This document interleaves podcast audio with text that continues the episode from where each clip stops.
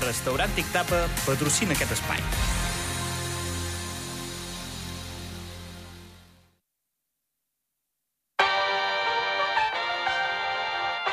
Zona Esports amb Joan López.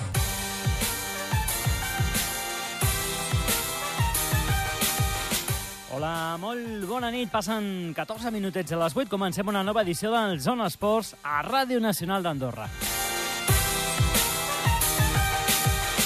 Una versió més reduïda, eh? fins a dos quarts en què parlarem d'aquesta derrota. Acabem de sentir la retransmissió del company Òscar Merino.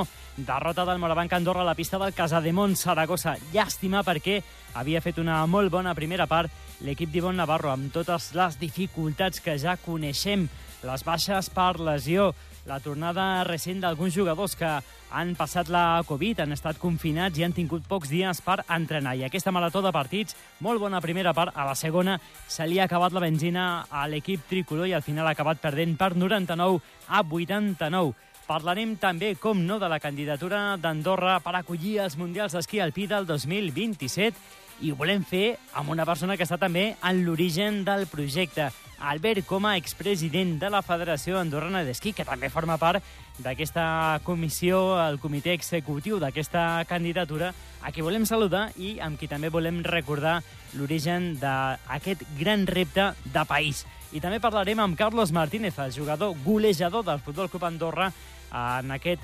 eh, tram final de la temporada, en aquesta segona fase en la qual el Futbol Club Andorra ha reculat. Després de perdre el camp de l'Eivissa s'ha complicat moltíssim les opcions de jugar als play-off d'ascens, però encara està viu. Li queden dos partits per acabar aquesta segona lligueta.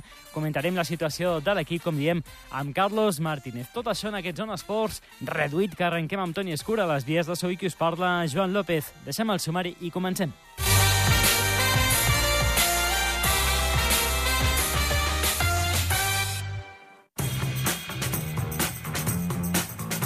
Zona Competició.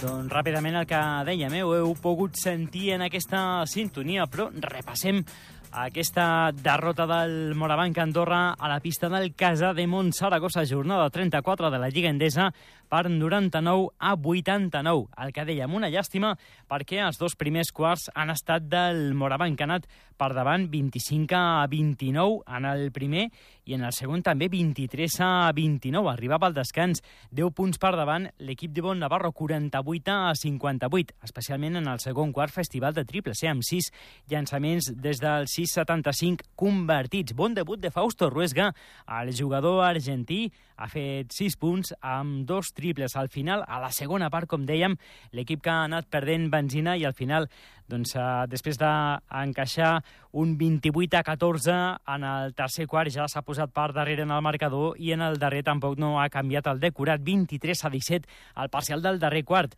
En el vessant de l'estadística 18 punts. Jeremy Senglin acaba com a màxim anotador. També el jugador amb més valoració amb 20 Geline que ha fet 17 bon partit de Tunde amb 15 punts i 8 rebots i 12 punts per a Oriol Paulí en aquesta estadística. Recordem la propera cita del Morabanc Andorra dissabte a la pista del Montbus Obradoiro en directe per aquesta sintonia de Ràdio Nacional d'Andorra i AndorraDifusió.d a partir de les 6 de la tarda.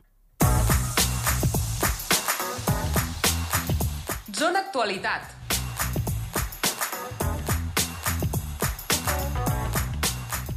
Doncs, amica, recordem, eh? Ahir a la nit, a través d'un programa especial per Andorra Televisió i també al canal web andorradifusió.d es presentava aquesta candidatura per acollir la cita esportiva més important a la història del país.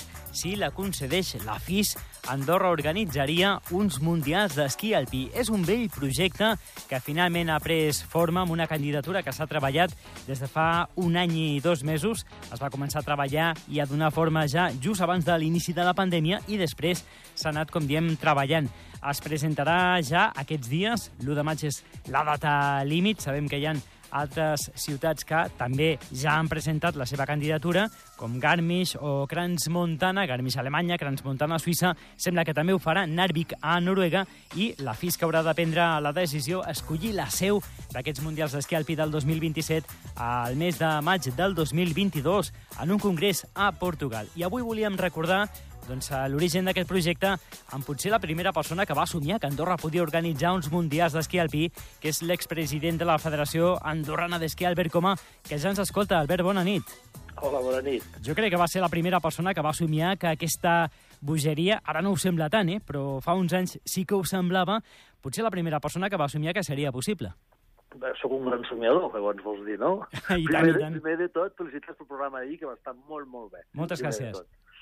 I lo de somiar, bueno, jo, crec, jo sempre he cregut en el nostre país, crec que ho tenim tot per poder fer moltes coses, i és qüestió de creure-hi, i, bueno, i després, a veure, tot el país hi creu, és una cosa d'un equip immens, és una cosa de país, és una empenta de tothom. Jo des dels anys que vaig estar-hi mai ningú em va dir que no a res, vull dir, tothom hi creu, i això és el més maco d'un país. Uh -huh.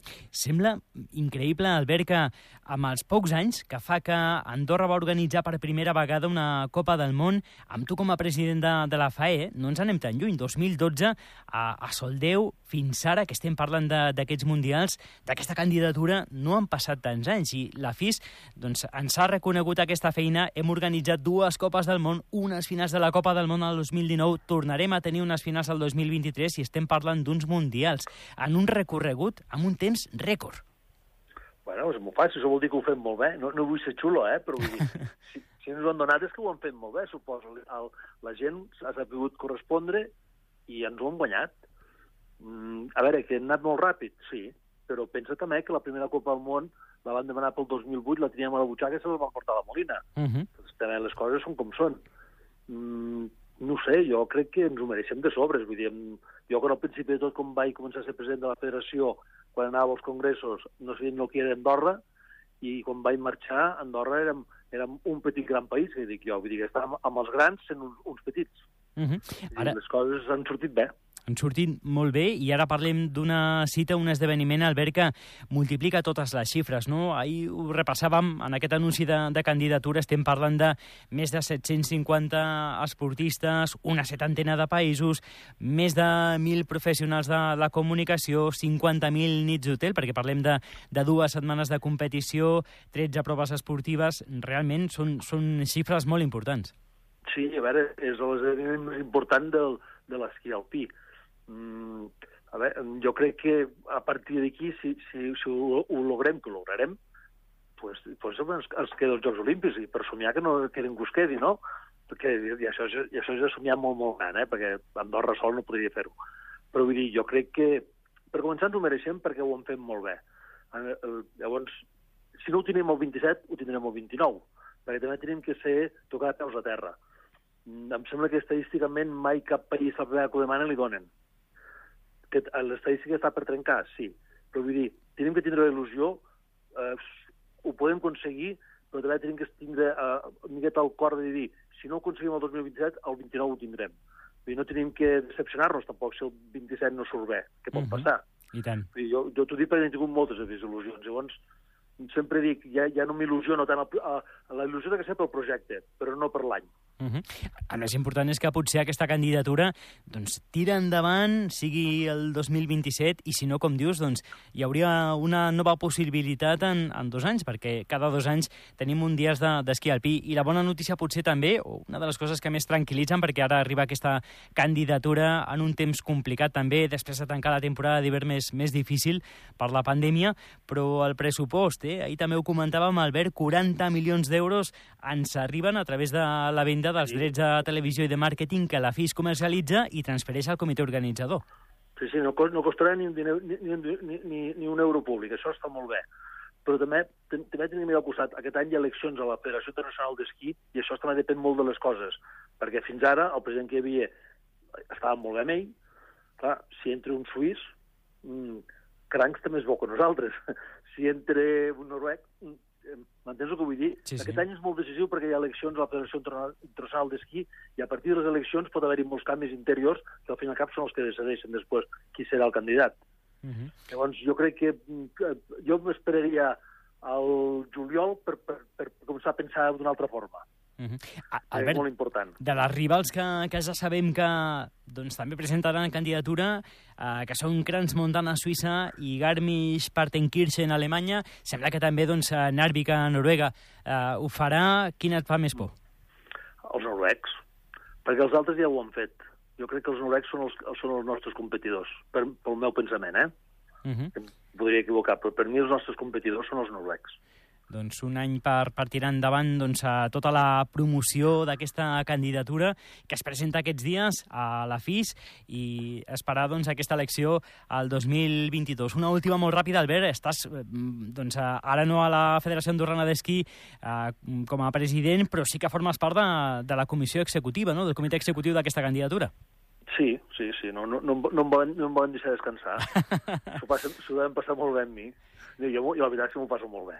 Do, doncs, Albert, com a que expresident de la Federació Andorrana d'Esquí, t'agraïm moltíssim que, que ens hagis acompanyat per valorar eh, aquesta candidatura històrica que tant de boca doncs, tingui el millor recorregut i, si no, com deies, eh, si no és el 2027, el 2029. Moltes gràcies a vosaltres i una altra vegada felicitats pel programa ahir, que va estar molt, molt bé. Gràcies, molt bona nit, Albert. Bona nit. Zona protagonista.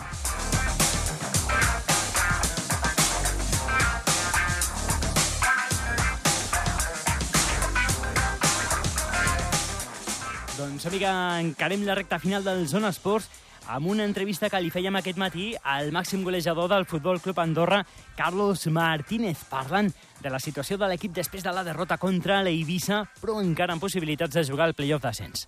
Diumenge es va escapar una bona oportunitat de puntuar. A Eivissa l'equip ha fet un pas enrere. No sé com està anímicament el, el vestidor de, després d'aquesta derrota. Hola, bona nit. Doncs, bueno, està clar que era un partit molt complicat, no?, contra un rival que s'ha mostrat molt, molt fort durant tota la temporada. Bueno, creiem que encara tenim opcions, les volem lluitar fins al final i l'equip està bé, no? Crec que estem en un molt bon moment de joc. L'altre dia sí que és veritat que, bueno, eh, amb molt poc ens van fer dos gols, però, bueno, aquesta setmana ho hem d'intentar canviar i anar per a intentar guanyar el Villarreal bé que ha faltat, Carlos, en els últims dos partits. Només ha pogut sumar un, un punt en aquesta recta final. No sé si l'equip està... Doncs arriba una miqueta justet de, de forces a aquest tram decisiu de, de la Lliga. Què ens ha faltat? No, no crec que hagi arribat eh, amb poca força. No? Crec que estàvem en el nostre millor moment en els dos primers partits. Contra el Coi crec que van fer un partit també molt seriós on vam estar més a prop de guanyar que de perdre però bueno, sí que és veritat que són rivals amb molta entitat, no? que han fet una temporada molt bona, que molt d'ofici, bueno, costa, costa guanyar, no, no crec que sigui per de mèrits nostres, sinó que també juguem amb rivals molt bons i bueno, aquesta setmana empatant tan aviat vam tenir, crec que vam tenir una oportunitat molt bona de treure punts, no ha pogut ser així, doncs a intentar treure aquests sis punts que ens queden. Ara el rival que ens ve el, el diumenge és a priori assequible, però són d'aquells partits que poden ser perillosos, no? Una mica partit trampa, com el veus? Sí, jo no diria assequible, no? Enfrontar-te al Villarreal B mai, mai és assequible. Són, és un dels millors filials d'Espanya de, sempre, sempre està a Nadal, sempre tenen jugadors molt interessants que treuen per, per, els primer, per al primer equip i bueno, eh, serà complicat segur. Eh? Sí que és veritat que si nosaltres estem al nostre nivell, si nosaltres rendim com ho veníem fent, bueno, crec que tenim moltes opcions de guanyar, però, però sense menospreciar el, el rival.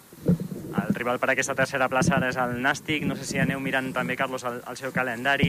Han de jugar contra l'Eivissa, però l'Eivissa ja ho té tot fet. No sé si pot ser jutge, si, si esteu pel vostre, però també mirant una miqueta de reull i com veus els dos calendaris.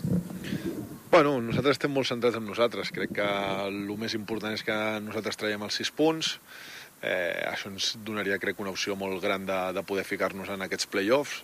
Però bueno, està clar que sempre mires una mica de reull no? com, com van els rivals. Bueno, està clar que jo crec que els dos tenim un calendari difícil perquè, com et dic, aquesta segona fase és molt complicada, amb rivals molt durs, que han fet una temporada molt bona, com, com nosaltres, i, i bueno, intentar, com t'he dit, lluitar-ho fins al final i si ens fiquem serà un premi increïble que, que haurem d'anar allà a competir i si no, doncs, bueno, crec que, que ens quedarem molt a prop d'aconseguir-ho. A Carlos, ets la referència col·legiadora d'aquest Futbol Club Andorra. Una mica com veus la, la teva temporada i suposo que tens moltes ganes de tornar a marcar, si pot ser aquest diumenge, no? Sí, bueno, està sent una, una temporada molt completa, no? Al final eh, ser màxim golejador a tots els grups no, no és fàcil, estic tenint moltes, moltes ocasions, eh, els companys, m'entenc molt bé amb els companys, que això es nota cada cap de setmana i, i bueno, el que em rodeja és tan bo que, que em fa estar millor a mi, no? Eh, sí que és veritat que ara porto dues setmanes sense poder ajudar l'equip en quant a gols, estic ajudant un, des d'una altra perspectiva, però bueno, eh, com t'he dit, crec que és una bona temporada tant de l'equip com, com meva i intentar acabar de ficar la cirereta al pastís. Una última qüestió sortint de l'actualitat de, de l'equip, però suposo que és una qüestió que també preocupa els jugadors del Futbol Club Andorra.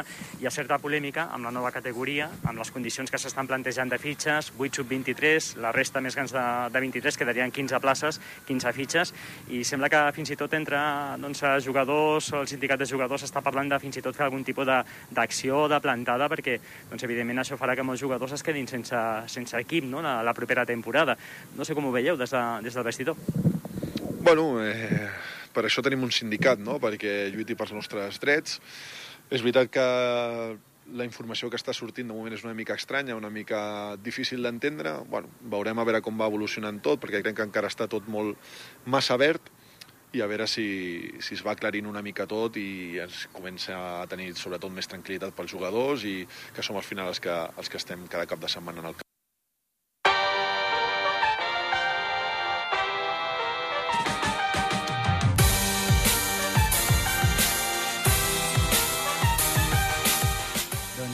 Les paraules de Carlos Martínez, el golejador del Futbol Club Andorra. Amb ell arribem al final d'aquest Zona Esports, versió avui reduïda per la retransmissió del partit del Morabanc Andorra. Recordem la derrota per 99 a 89.